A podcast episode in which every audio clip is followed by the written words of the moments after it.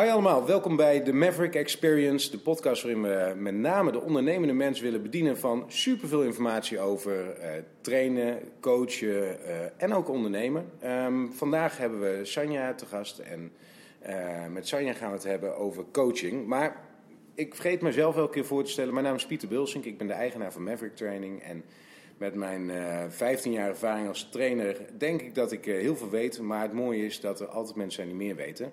En vandaar dat ik Sanja heb uitgenodigd. Sanja is ehm, coach, trainer, opgeleid bij Jim Jones in Utah. En eh, dat is een van de gyms die ik heel hoog op mijn verlanglijstje heb staan om een keertje binnen te komen. Nou, Sanja is ongeveer vaste gast. Nou, helaas niet in Utah zelf, maar...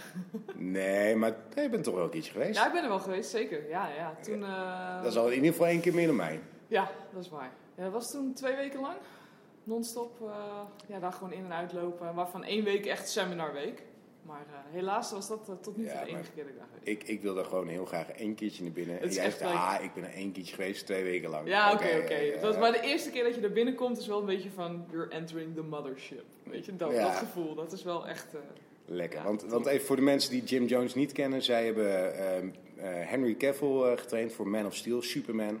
En het mooiste vond ik eraan eigenlijk dat ze zeiden van... Ja, Henry Cavill, hè, die, die moet natuurlijk Superman worden. Dus die moet de, de klassieke Superman eh, houding hebben. Dus hè, die brede rug en een smalle taille.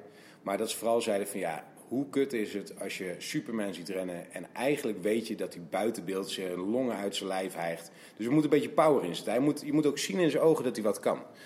Nou, en dat, dat vind ik het mooie bij, eh, bij Jim Jones en het mooie aan Sanja. En dat is de reden waarom ik Sanja heb uitgenodigd. Is eigenlijk dat op het moment dat ik je op Instagram leerde kennen eh, en een beetje volgde, eerst een beetje sneaky, af en toe een keer een liken. Ja, echt, echt, een, ja, echt wel een beetje eigenlijk. Ik dacht, nou, ik moet even checken hoe dit is. Eh, maar toen jij afzwaaide bij, eh, bij Jim, toen, toen verbaasde het me in positieve zin hoeveel mensen de moeite hadden gedaan om echt met z'n allen jou te bedanken voor je coaching, voor je training. En dat ook nog eens deelden op, op Instagram.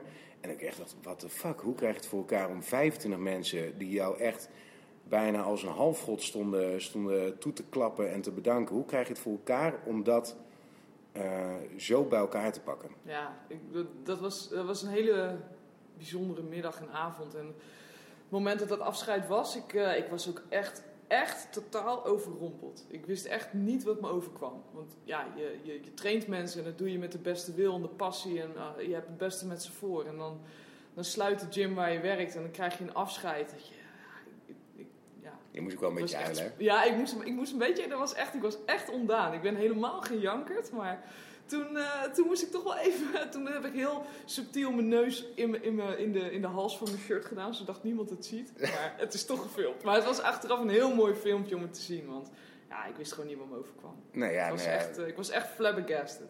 ik, ik denk hier wie hierin toekomt. In ieder geval zoals ik het ervaar wel.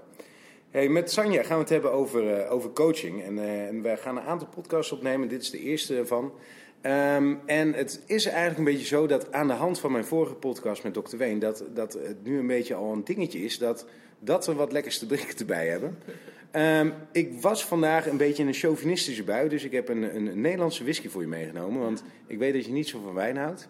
Oh jawel, ook wel. Ja, het hoeft niet eh, lekker te zijn als er alcohol in zit. Nee hoor, dat is, dat is niet waar. Nee, ik, eh, ik hou zeker van wijn. En ik hou van, eh, van bier. Ik ben, gewoon, ik ben gewoon een oude snoepert eigenlijk. Ik hou van lekkere drankjes. Dus ja. Lekker, nou hier. Maar het, ik, dit, is, dit is een goed moment voor een goede whisky. Een beetje, ik zeg het ook wel eens, eh, ik vind het altijd lekker met een whiskietje en dan een beetje bomen. En, en- Ja. en mijn vriendin zegt altijd bomen. Jij zegt altijd bomen. En, maar ik vind het gewoon een lekker woord. Als je een beetje gaat praten, een beetje gaat bomen. Ja. Dus ik dacht, we gaan nu een beetje terwijl ik bomen. de whisky over mijn hand tegen Ja, en meteen super. even aflik. Ja, inderdaad. Hoe, hoe smaakt zo uit het vuistje? Heel lekker, heel lekker. Ehm, nou, hey, eh, cheers. Cheers. Op een eh, hele mooie serie Ja, podcast. zeker. Daar gaan we voor. Waar we mee beginnen, hè, waarom ik eh Sonja dus eh, heel hoog heb zitten, is onder andere coaching. En vandaag wil ik het vooral hebben over, een, eh, we hebben een beetje heen en weer geappt over wat zijn nou mooie onderwerpen. En één daarvan is eigenlijk meteen een hele strakke, liefdevolle coaching mag hard zijn. En met name waarom we onszelf echt niet moeten pamperen. Ehm, ja, hier, hier waren het vrij, vrij snel over eens. Dit, dit moeten we oppakken. Leg uit, hoe, hoe zie je het voor je? Wat, wat is jouw idee erover? Ehm, nou, ik denk dat, dat als je een coachingsproces ingaat, en of dat nou qua voeding of training is, Ehm, je begint zo'n proces omdat je iets veranderd wil hebben. Je wil sterker worden, je wil afvallen, je wil beter in je vel zitten, whatsoever. Dat betekent dat je iets moet gaan veranderen ten opzichte van hoe je het altijd gedaan hebt. Maar dat betekent ook dat er wellicht gedurende dat proces een stukje confrontatie gaat plaatsvinden. Dus uh, jij gaat pas bewust worden van dingen um, op het moment dat je ziet wat er anders kan. Dus een stukje confrontatie tegen jou zegt van joh, uh, hè, uh, je zegt altijd dat je dit en dit wil, maar je acties die leiden die, daar niet naar. Um, en dat, dat kan soms een beetje confronterend zijn, maar dat kan wel verhelderend werken voor de mensen uh, ja, die dat nodig hebben. Die, die gewoon zeggen van ja, ik wilde iets bereiken. Oké, luister, dan, dan dit is wat je nu doet.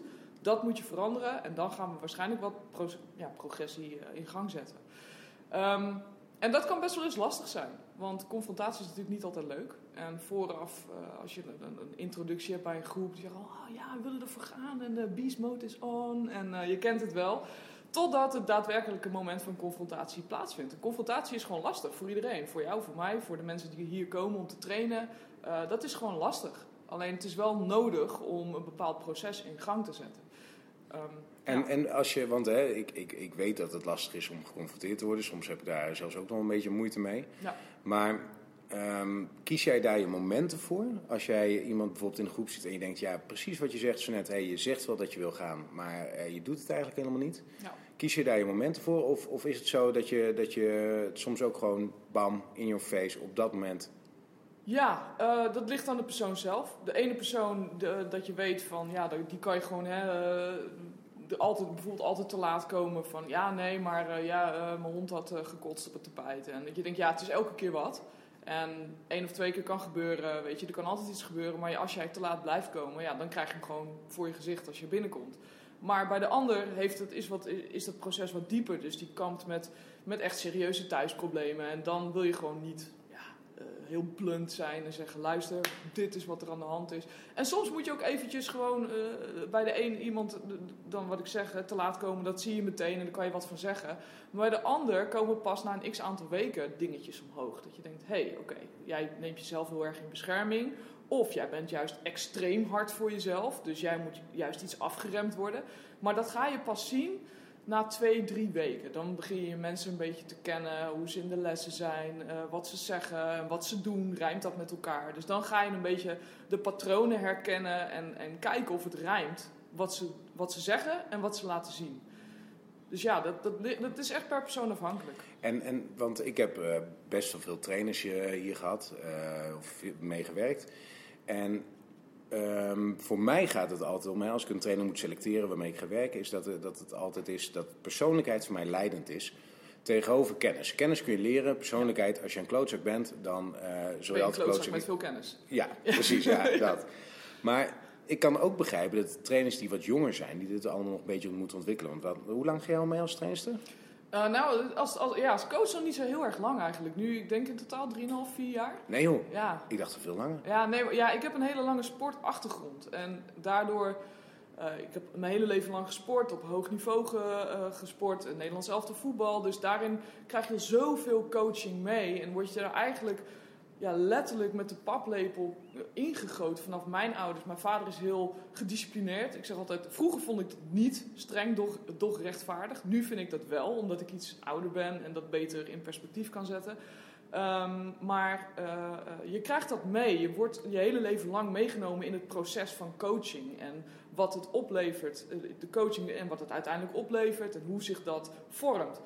Um, maar echt als, als trainer-coach zelf aan de bak, dat is nog relatief kort. Ah, ja. Want waar ik eigenlijk naartoe wilde was, ik, ik, kan ook begrijpen dat als jij een jonge trainer bent, hè, het is natuurlijk een beetje levenservaring. Inderdaad, ik kom ook uit een gezin van onderwijs en coaches en, en dat soort dingen. Dus voor mij is het ook een beetje een tweede natuur al. Maar als je dat nou niet hebt, dan kan ik ook goed begrijpen dat je die, dat, dat gevoel dat je mensen inderdaad aanvoelt van oké, okay, nou moet ik je even uh, vol in je gezicht zeggen van waar het op staat. Of ik wacht even en na de les pak even iemand apart en vraag ja. ik het gewoon rustig. Maar hoe denk je dat dat, is dat trainbaar en, en hoe zou je het nou, jonge trainers bijvoorbeeld, uh, hoe zou die dat best op kunnen pakken? Ik denk wel dat dat trainbaar is, want dat is denk ik uiteindelijk gewoon een stukje gevoel wat je ontwikkelt. Um, maar Ja, dat, dat is wel een lastig iets inderdaad. Hoe ontwikkel je dat? Ik denk gewoon door heel veel te doen en heel veel mee te lopen en heel veel te vragen. Ik, ik, in het begin heb ik ook met heel veel mensen meegelopen en ook vooral heel veel gevraagd. Ik wilde altijd alles weten. Hoe pak je dat aan met die? Of als ik zelf een, situatie lastig vond, van ja, ik had vandaag iemand in mijn les, uh, dat ik net begon, ja, ik had vandaag iemand in de les die deed dit en dit. En dan toch even met een andere coach overleggen van heb je dat ook al eens ervaren en, en wat zeg jij dan tegen diegene of hoe ga jij daarmee om? Um, dus daarin is het toch een beetje je eigen weg vinden, maar voornamelijk heel veel vragen aan andere mensen. En ja, ook als coach zijnde durf je kwetsbaar op te stellen. Ik heb ook niet alle wijsheid in pacht. Ik, ik heb ook mensen waar ik regelmatig een appje stuur van joh, jij hebt toen uh, die en die cliënt gehad met dat en dat probleem. Uh, hoe heb je dat precies aangepakt? Niet dat je dat dan letterlijk kopieert, maar meer om inzicht te krijgen in um, um, ja, hoe iemand dat ja, behandelmethode klinkt zo zwaar, maar ik bedoel, elke knie is anders. Maar hoe heb jij die knieblessure opgelost? Hoe heb je die belastbaarheid op? Oh, zo, zo. Oh ja, oh ja, dat is misschien wel een goede. Oh. En als je dat concept snapt van een, een knieblessure en het opbouwen van belastbaarheid, dan kun je het ook toepassen op een schouder of op een heup of op een enkel. Dus het is meer, denk ik, het concept. Het, het, het, begrip van concepten wat je moet hebben en hoe je bepaalde, of dat nou een blessurepreventie of een behandelmethode of confrontatie is bij iemand, maar het is, het is een, ja, een groter concept. Zeg maar. en, en, je leert dat dus eigenlijk alleen maar door je eh, leerbaar op te stellen. Ja, nou ja, denk ik wel. En ervaring opdoen. Ja. En ja, weet je, als ik nu terugdenk aan een aantal uh, ja, situaties van een aantal jaar geleden, had ik ook, denk ik ook wel van, oeh shit, dat heb ik toen zo gedaan. En dat zou ik nu heel anders doen. Maar ja. ja, dat is alleen maar een teken dat je leert. Als je nu, als je, dat, ik weet niet meer welke, volgens mij was dat Dan John, die heeft dat ooit gezegd uh, hele goede strength and conditioning coach, dacht ik hoor, hou me ten goede of hij dat echt was. Hij zegt, als jij niet terugkijkt op je eigen programmering van een aantal jaar geleden en denkt bij jezelf, wat de fuck was ik aan het doen, dan, dan sta je stil en dan ga je dus achteruit. En dat vond ik wel een hele mooie. En dat betekent niet dat je een aantal jaar geleden het slecht gedaan hebt. Het betekent alleen nu dat je jezelf meer ontwikkeld hebt en het beter kan doen. Ja, want uh, ik ben het helemaal eens met wat je zegt. Ik, ik heb het liefste eigenlijk dat op het moment dat ik weet dat ik het beter kan, dat ik dat ook gewoon tegen een, eh, een, een eh, klant kan zeggen. Dat ik gewoon zeg, joh, vorige week deden we het zo, maar ik heb nu nieuwe dingen geleerd en ik weet nu dat het beter kan. Dus we gaan het op deze manier doen. Um, maar ja, dat is dus gewoon heel veel doen, heel veel leren en dus ook wel gewoon leerbaar opstellen. Want kijk, ik vind het fijn en, en je, je bent er laatst bij geweest, zo de kwartaalmeeting met alle trainers. En uh, je hebt daar toen het nieuwe programma Disruptive gelanceerd, gepromoot dat wij een groep met trainers hebben waarbij iedereen eigenlijk zijn eigen specialisme heeft, maar tegelijkertijd ook al durft te vragen aan de ander van hey, hoe doe jij dat of gezellig, zonder dat er concurrentie is. Ja, zeker.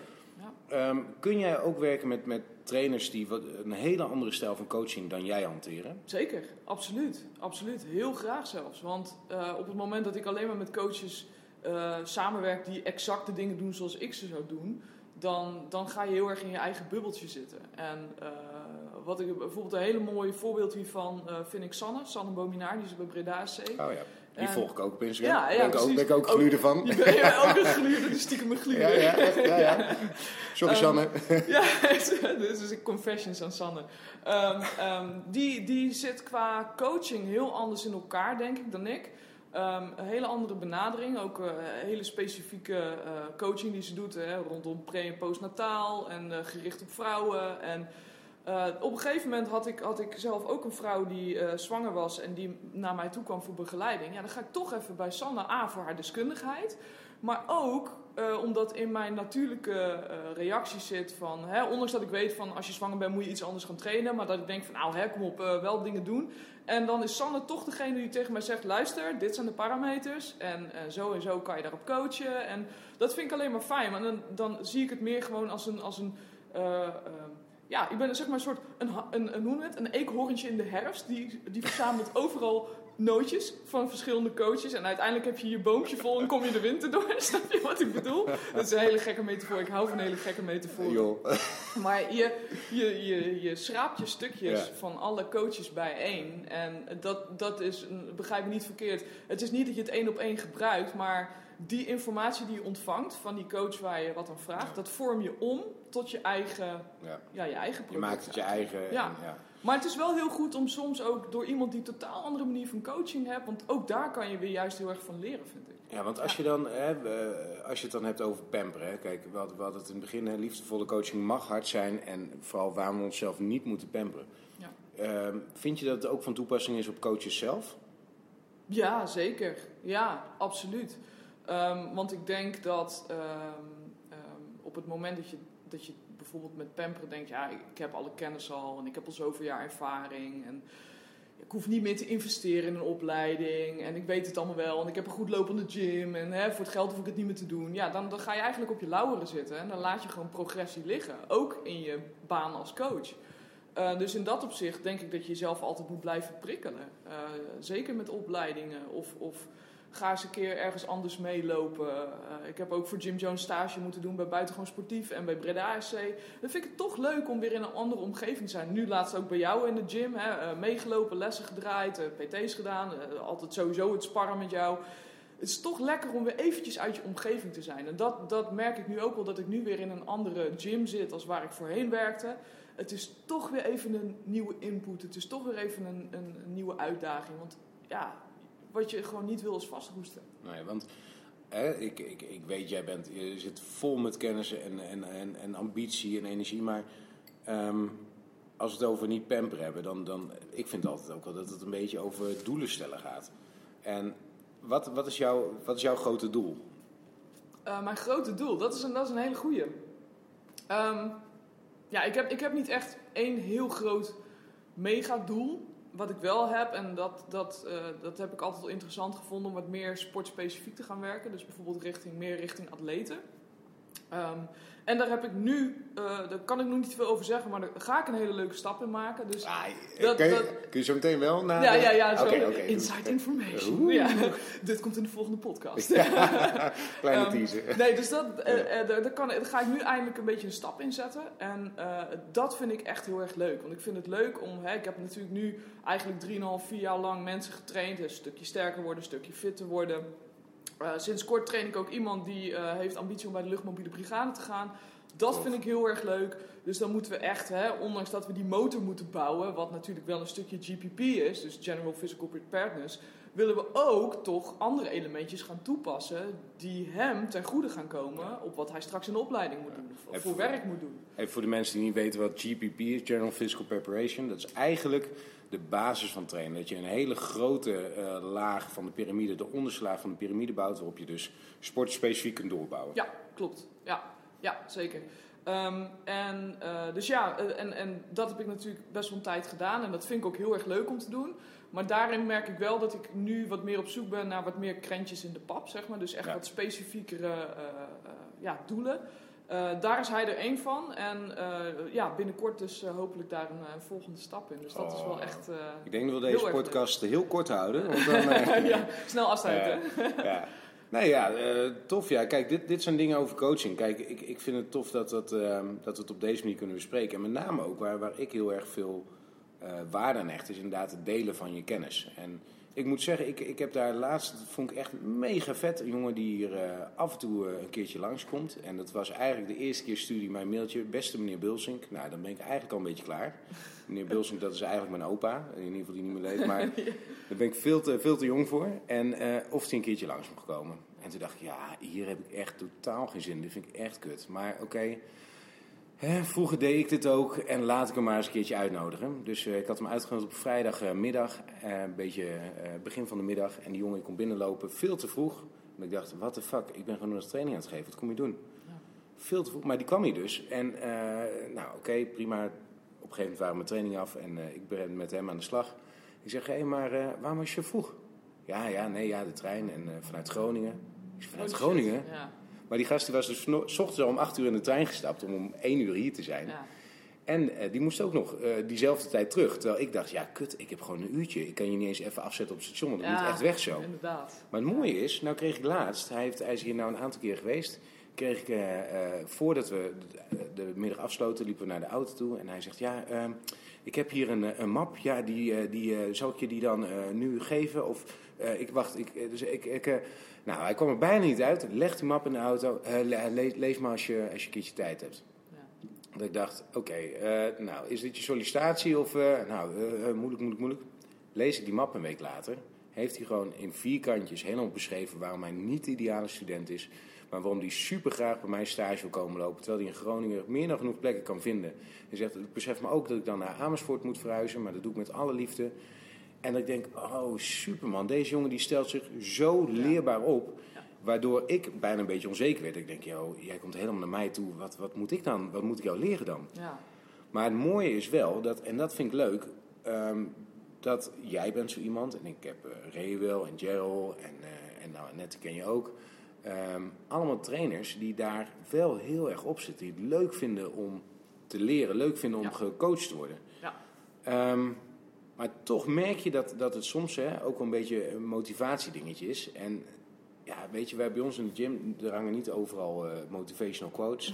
weet je, just do it. En, Just eh, do it. Ja, eh, inderdaad. wat, wat, zijn het, wat heb je nog You meer? don't get what you wish for, you get what you work for. Oh, ja, dat is ook zo eentje. Nou, ja, weet je, ik, ik, ik, ik heb echt een beetje een Ja. idee bij. We hebben maar één quote en dat is onze payoff. Cost the earth, needs rebels. En dat is, dat is eigenlijk niet eens een motivational ding. Maar ehm, hoe, hoe, sta jij in motivatie dan? Wat, wat vind jij, want, want hè, de voorbeelden die we noemen zijn allemaal zwaar gemotiveerde gasten. Ja, nee, motivatie is een goed startpunt. En motivatie zorgt ervoor dat je dingen gaat doen, dat je gaat starten. Dus zo'n jongen die, die schrijft jou, die is gemotiveerd, dus die besluit om een brief te schrijven en die is gemotiveerd om één dag dan even zoveel uur in de trein te stappen. Ehm, mensen ook, ja, ik wil afvallen. Oké, dag 1 ben je gemotiveerd om groente te gaan eten. Je hebt zin om te starten. Dat is letterlijk motivatie. Je hebt zin om iets te doen. Ehm, maar het gaat natuurlijk over een langer proces. En dan, als je daar eigenlijk ook weer terugkomt op eh, liefdevolle coaching mag best hard zijn. Er gaat een moment komen van feedback. Ook die jongen, als die hier komt lopen, er gaat een moment komen waarop jij zegt: hey, joh, even een paar puntjes van kritiek. Dat is niet leuk, maar dat gaat je wel verder helpen. En sommige mensen die kunnen het heel goed plaatsen. Die zeggen, ah oké, dank voor je feedback. En die gaan gewoon lekker mee aan de Ja. gang. Maar er, er gaat een stagnatie te komen. Er gaat een moment komen waarop het even niet meer zo leuk is. Of wat je denkt van, ja shit, eh, ik vind het allemaal lastig worden. Ja, dan is, dan is motivatie is dan een beetje onderschat. Want als je voor alles moet wachten totdat je er zin of in hebt... overschat? Eh, ja, ja, overschat. Sorry, overschat. Eh, want als je bij alles moet wachten totdat je zin hebt om het te gaan doen, om het daadwerkelijk te gaan doen. Ja, ik weet niet hoe het met jou zit, maar ik sta niet elke avond te juichen als ik mijn tanden ga poetsen. Ik doe het omdat ik het fijn vind om schoon gebit te hebben. Ja. Maar het is niet dat ik denk, oh yes, vanavond weer tanden poetsen. Ik Kijk er niet onderuit. Weet je, het- tenzij je een hele smerige kebab naar binnen hebt zitten werken, dan kan je er wel naar uitkijken. Maar, maar snap je wat ik bedoel? Dus, dus eh, discipline komt daarin gewoon echt om de hoek zetten. En dat is, dat is met een stukje liefdevolle coaching eh, die, die redelijk hard kan zijn. De coach heeft, als het goed is, heeft de coach altijd het beste voor met jou. Of je nou stagiaire bent of met een doel ergens gaat trainen of op je eten wil letten, whatsoever. De coach heeft het beste voor met jou. En die zal, als het goed is, de dingen tegen jou zeggen die jij nodig hebt om verder te gaan komen. Ja, en dat hoeft niet, niet per se de leuke dingen te zijn. Nee, want daar zit, daarin zit dat stukje confrontatie. En, en kijk, als je gewoon alleen maar gelijk wil hebben en een aai over de bol moet hebben, ja, dan moet je lekker op de thee gaan bij je moeder. Maar als jij beter wil worden, dan, eh, dan, dan moet je soms af en toe even geconfronteerd worden. En dat hoeft niet, hoeft niet heel hard te zijn. Begrijp me niet verkeerd met eh, lul dit. Of, maar even gewoon Ja, van het, hoeft niet, het hoeft niet lullig te zijn. Nee, precies. Het hoeft Ja. niet, niet eh, onrespectvol te zijn. Maar eh, ja, kritiek is, is voor veel mensen moeilijk. En is voor veel mensen lastig. En zorgt voor wrijving. Ehm, maar als je na die kritiek vervolgens gaat wachten op motivatie om actie te ondernemen... Ja, dan kan het heel lang duren voordat je weer in actie komt. Ehm, ehm, terwijl als jij vertrouwt op je discipline en het proces wat in gang is gezet... en zo, erop vertrouwt dat zolang jij blijft doen wat je hebt gedaan en dat probeert te verbeteren... dan gaat er een een, een, een, dan ga je door in het proces. In plaats van dat je zegt, ja, maar nu vind ik het even moeilijk. Nu heb ik geen zin meer. Nu geef ik de brui eraan. En dat zie je bijvoorbeeld vaak gebeuren met een heel, heel simpel voorbeeld. Mensen die gaan afvallen. Dan, dan gaan ze twee, drie, vier weken gaan ze op hun eten letten. Nou, dan hebben ze resultaat. Joehoe. Twee maanden later, ja, ik sta stil. Ja, nou, eh, dan heeft het geen nut. Dan stop ik er wel mee.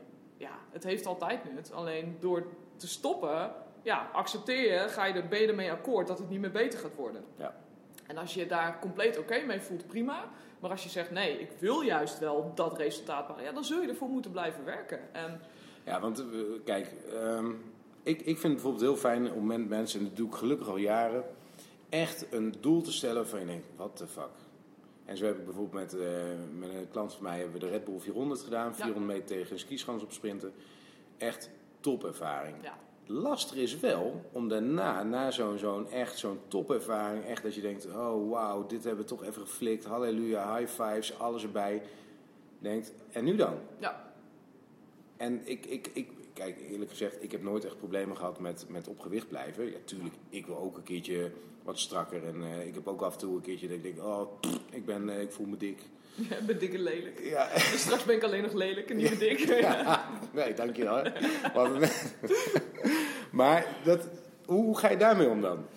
Ja, ik denk dat het stellen van een doel heel erg belangrijk kan zijn. Maar vooral een doel waar je, waar je echt eh, je, ja, een stukje persoonlijkheid van jezelf inlegt. Dus bijvoorbeeld even een, eh, een simpel voorbeeld. Iemand kan binnenkomen en zeggen... eh, oh, ik ga bij jou een traject van 12 weken doen.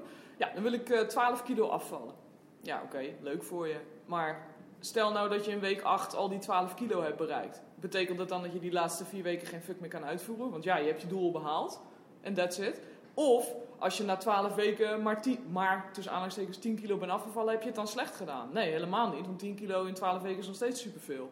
Dus dat is heel relatief, dat doel. En, en het zegt niks over hoe hard jij werkt voor iets. Ehm, ehm, dus het is, het is een doel wat, waar, waar, waar, waar geen gevoel in zit, waar, waar niks bij komt Wat, kijken. wat, wat zou dan een beter doel zijn? Nou, een, een heel concreet voorbeeld van eh, een goede vriendin van mij. Die, ehm, die wilde ook heel veel afvallen, verschillende diëten geprobeerd. eh, niks werkte, elke, ja, 15 kilo afgevallen, 20 kilo aangekomen.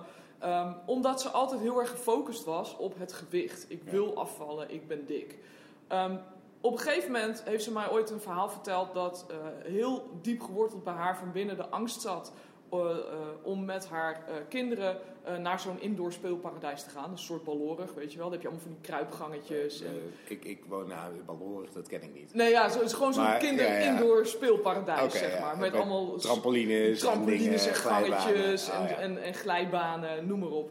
En eh, zij liet haar kinderen daar altijd gewoon in los, maar ze ging niet mee. Terwijl de kinderen zeiden, mama kom nou. Maar zij durfde niet, omdat zij zo bang was dat zij vast zou komen te zitten. Oh, ja. Om, oh, ja, ze was ja. vrijgezet toen en, en eh, zij was heel bang Ah. dat zij vast kwam te zitten. Dus nou, toen gingen we om de tafel zitten. Ja, ik wil afvallen. Oké, nou ja, wat, eh, wat is je doel? Ja, ik wil minimaal 20 kilo eraf. Ja, dat zegt me niks. Weet je wel, Ja. dat, dat, dat is je al eerder gelukt, 15 kilo eraf. En toen ben je aangekomen. En ik zeg, ik wil dat je op zoek gaat naar echt een doel wat je raakt. Wat continu in je hoofd zit. Waarbij je continu denkt bij elke keuze die je maakt van gaat dit me helpen of niet. Het moet zo sterk een gevoel hebben. Toen eh, zat ze te denken, ik zei nou ik weet het wel. Ik zeg jij hebt mij ooit dat verhaal verteld. Ik had deze zin uitgesproken en echt waar, de, de tranen biggelden over de wangen. Ja. Want het raakte haar heel erg. Ja. En toen zei ze, ja, hou maar op, ik wil het niet horen. Ik zeg, ja, maar dit doel raakt, dit doet, kijk wat het met je doet. Je bent, Ja. doordat ik dit nu tegen je zeg, de tranen beginnen te rollen, je bent van slag, eh, er komt misschien een stukje verdriet, frustratie, schaamte, alles komt erbij kijken. Ik zeg, dit doel is voor jou zo ontzettend sterk. Jij hebt hier zoveel binding mee. Ik denk dat dit jouw doel is. Jij gaat zorgen dat jij weer met jouw kinderen in het indoor speelparadijs kan spelen. Zonder angst dat je vast komt te zitten. Nou, dat, dat hebben we gedaan. Eh, daar had ze nog een bijkomend doel bij. Dat was eigenlijk een soort eh, subdoel. Van ik zou eigenlijk heel graag een keer willen eh, parapenten. Dat is dan met zo'n, zo'n hoe noem je dat? Parachute. Zweven over zo'n vallei, zeg maar. Een soort, Oh, ja, ja. ik denk een beetje hetzelfde als paragliding, denk ik. Voor, ja, zoiets. Ehm, Ik zit niet in maar de scene, maar... daarvoor moest je onder de 100 kilo zijn. Anders mocht je dat niet doen. Oh ja. Ehm, zij was op dat moment over de 100 kilo. Eh, maar dat was, een, dat was een, gewoon een bijkomend doel wat zij zelf Ja. heel graag wilde doen. En we hebben toen de afspraak gemaakt: het maakt me niet uit wat er gebeurt. Het gaat kut worden, het gaat zwaar worden, het maakt niet uit wat er gebeurt. Wat je ook gaat doen, je gaat niet opgeven. Want als je opgeeft, dan ga je ermee akkoord dat het niet beter wordt. Nou, dat heeft ze ook gedaan. En eh, we zijn, eh, ik denk anderhalf of twee jaar bezig geweest. Ze is 30 kilo afgevallen. Wauw. Ze voelt zich beter dan ooit. Heeft ze het vast kunnen houden? ja, en dat is dus het leuke, want hè, eh, ehm, eh, daar kom ik zo even op terug. Eh, maar ja, ze, ze is dus 30 kilo Ja. afgevallen. Ze kan met de kinderen naar een indoor speelparadijs. Ze gaat mee, ze is energiek, ze kan wandelen in het bos. En ze heeft dus, ik geloof vorig jaar zomer, of alweer twee jaar terug, dat weet ik niet meer. Heeft ze dus, is ze dus wezen parapenten op Forteventura, dacht ik, of Lanzarote, een van die eilanden. Top. heeft ze dat dus gedaan. En ja, dat is fantastisch. Ja, en, maar dat, dat zit zo diep van binnen bij haar, de, de feeling met dat doel, dat heeft haar op de moeilijke momenten er ook doorheen geholpen. Ze zegt dan, dan dacht ik gewoon aan mijn doel en dan dacht ik gewoon, nee, ik Ja. moet nu de goede keuze gaan maken. En het mooie daaraan is, is dat zij ehm, eh, daar de tijd voor genomen heeft. Dus zij is, ik geloof, anderhalf jaar bezig geweest om die 30 kilo eraf te krijgen. En eh, die anderhalf jaar lang is zij alleen maar met die beslissingen bezig geweest van... Oké, eh, eh, in plaats van, ik roep wat, een mars neem ik een, gewoon een appel en wat kwark of zo, weet je wel? Ja. Dus andere voedselkeuzes maken. En dat is nu zo een gewoonte voor haar geworden. Dus in die anderhalf jaar tijd heeft ze een nieuwe gewoonte gevormd, wat nu voor haar gewoon automatisme is. Eerst was automatisme, oh ik heb honger, ik grijp een mars bij wijze van. En nu is het automatisme, oh ik heb honger, ik pak even wat fruit. Ehm, eh, dus zij, zij hoeft er ook nu niet meer bij na te denken. Ik kreeg van haar regelmatig een appje van... joh, eh, wat moet ik nu met mijn voeding doen? En ik vind het lastig. En nu, ik krijg nooit meer een... tenminste, een- nooit meer zo'n appje. Heel af en toe is het toch van... Hè, eh, ik merk weer dat ik even de teugels moet aantrekken, dit en dit. Maar ze weet het zelf. Ja. Ze weet het allemaal. Omdat we niet hebben geïnvesteerd in een quick fix. Dus, oh, ik moet 30 kilo kwijt. Nou, dat gaan we even binnen drie maanden fixen. Nee, het is... Luister, ik ga mijn leefstijl omgooien. En ik moet nieuwe gewoontes gaan vormen. En dat moment waarop ik tegen haar die confrontatie aanging met hè, dit is jouw doel, je hebt een stukje schaam tegenover je kinderen, dat indoor speelparadijs. Dat was voor haar op dat moment heel confronterend, heel pijn, heel, heel pijnlijk. Ehm, maar dat had zij nodig Ja. om dat doel te kunnen behalen. En dat was voor mij, ja, dat, en weet je, dan, je, als coach ben je dan eigenlijk een katalysator, maar het moet vanuit de persoon zelf komen. Dus als, als ik het samen mag vatten, hè, dus als je nou echt doel wil stellen en je wil een, een doel hebben waar je echt voor gemotiveerd bent en blijft, Ja. in plaats van dat een soort motivatie zelfs een, eh, een, een vies windje langs komt, eh, komt drijven, ehm, dan moet het een doel zijn. Ik er ook om een beetje. ja, ik heb ook af en toe mijn voorbeeldjes. In plaats van de eekhoorntjes doe ik de windjes. Ehm, maar het, het, het moet dus een doel zijn wat, wat, wat je echt, echt, echt raakt. Wat Ja. een heel persoonlijk doel is. Ja. In plaats van een, een random 10 kilo. Ja. Tweede is, hè, dus, dus je leert wat dat betreft een beetje over jezelf. Van, hé, wat, wat, wat motiveert me? Ja. Tweede is, op het moment dat je dat dus eh, zo vasthoudt... dan moet je eigenlijk de tijd nemen om daarop ook keuzes te maken. Ja. En daar consequent mee bezig zijn. En eigenlijk als ik het een beetje tussen de rails doorlees... Het derde is, soms is het kut. Ja. Dan gaat het gewoon even niet. Maar op het moment dat je dan weer vastgrijpt aan je doel... en daar inderdaad de hulp bij, bij zoekt en durft te vragen... dan komt het allemaal goed. Zeker, ja, absoluut. Ja. En dat is ook een stukje kwetsbaar opstellen. Kijk, op het moment dat het even kut is en het werkt niet en je gaat je terugtrekken en je, jij, je, je verzaakt dan op dat moment juist uit te reiken naar je coach. Van joh, hè, het gaat even niet lekker. Of naar een vriend of vriendin van joh, ik heb geen zin om te trainen, zullen we samen gaan? Als je dat niet doet, dan ga je weer terug je, je schulpje in. Dus het is ook een beetje kwetsbaar opstellen. En dat is, dat is soms rete spannend, maar dat gaat je uiteindelijk wel verder helpen dan... dan Oké, ja. Nee, duidelijk. Ja, weet je, als, het is wel leuk dat we eigenlijk in één podcast en, en bespreken hoe je als coach opstelt en als eh, nou, eh, coachie of eh, hoe, hoe noem je zo iemand.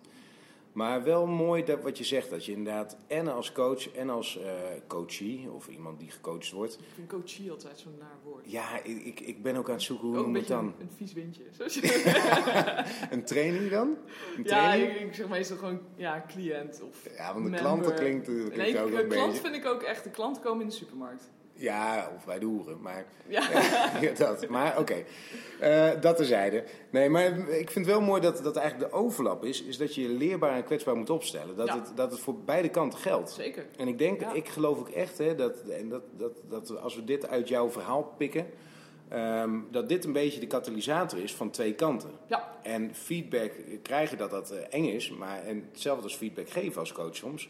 Ja Maar dat ook een coach open moet staan voor feedback en ook een coach open moet staan om te leren. zeker. Absoluut. Nou, ik vind het eigenlijk wel een eh, hele mooie ja, afsluiten van een, eh, een mooi gesprek. Ja. Dus eh, laten we nog even het laatste slokje whisky doen. Oh shit. En, oh ja, oh, nee, Oh, ja. gaan we een atje nee, doen? ja, Atje? Atje voor de sfeer? Nee, dat vind ik echt een hele stomme uitspraak. echt- Dat is ja, ik als- ook. Vind ik ook heel als we hiermee moeten afsluiten, is het een beetje ja, dat is jammer. echt... Ja, ja. ik, ik, ik zet hem gewoon terug. Nee. Ja, dit gaan we ook niet knippen. Nee, we doen gewoon nu Ja. ching ching. Ching ching. Cheers. Ook fout, oké. Ja, cheers. ook heel, ook heel smerig.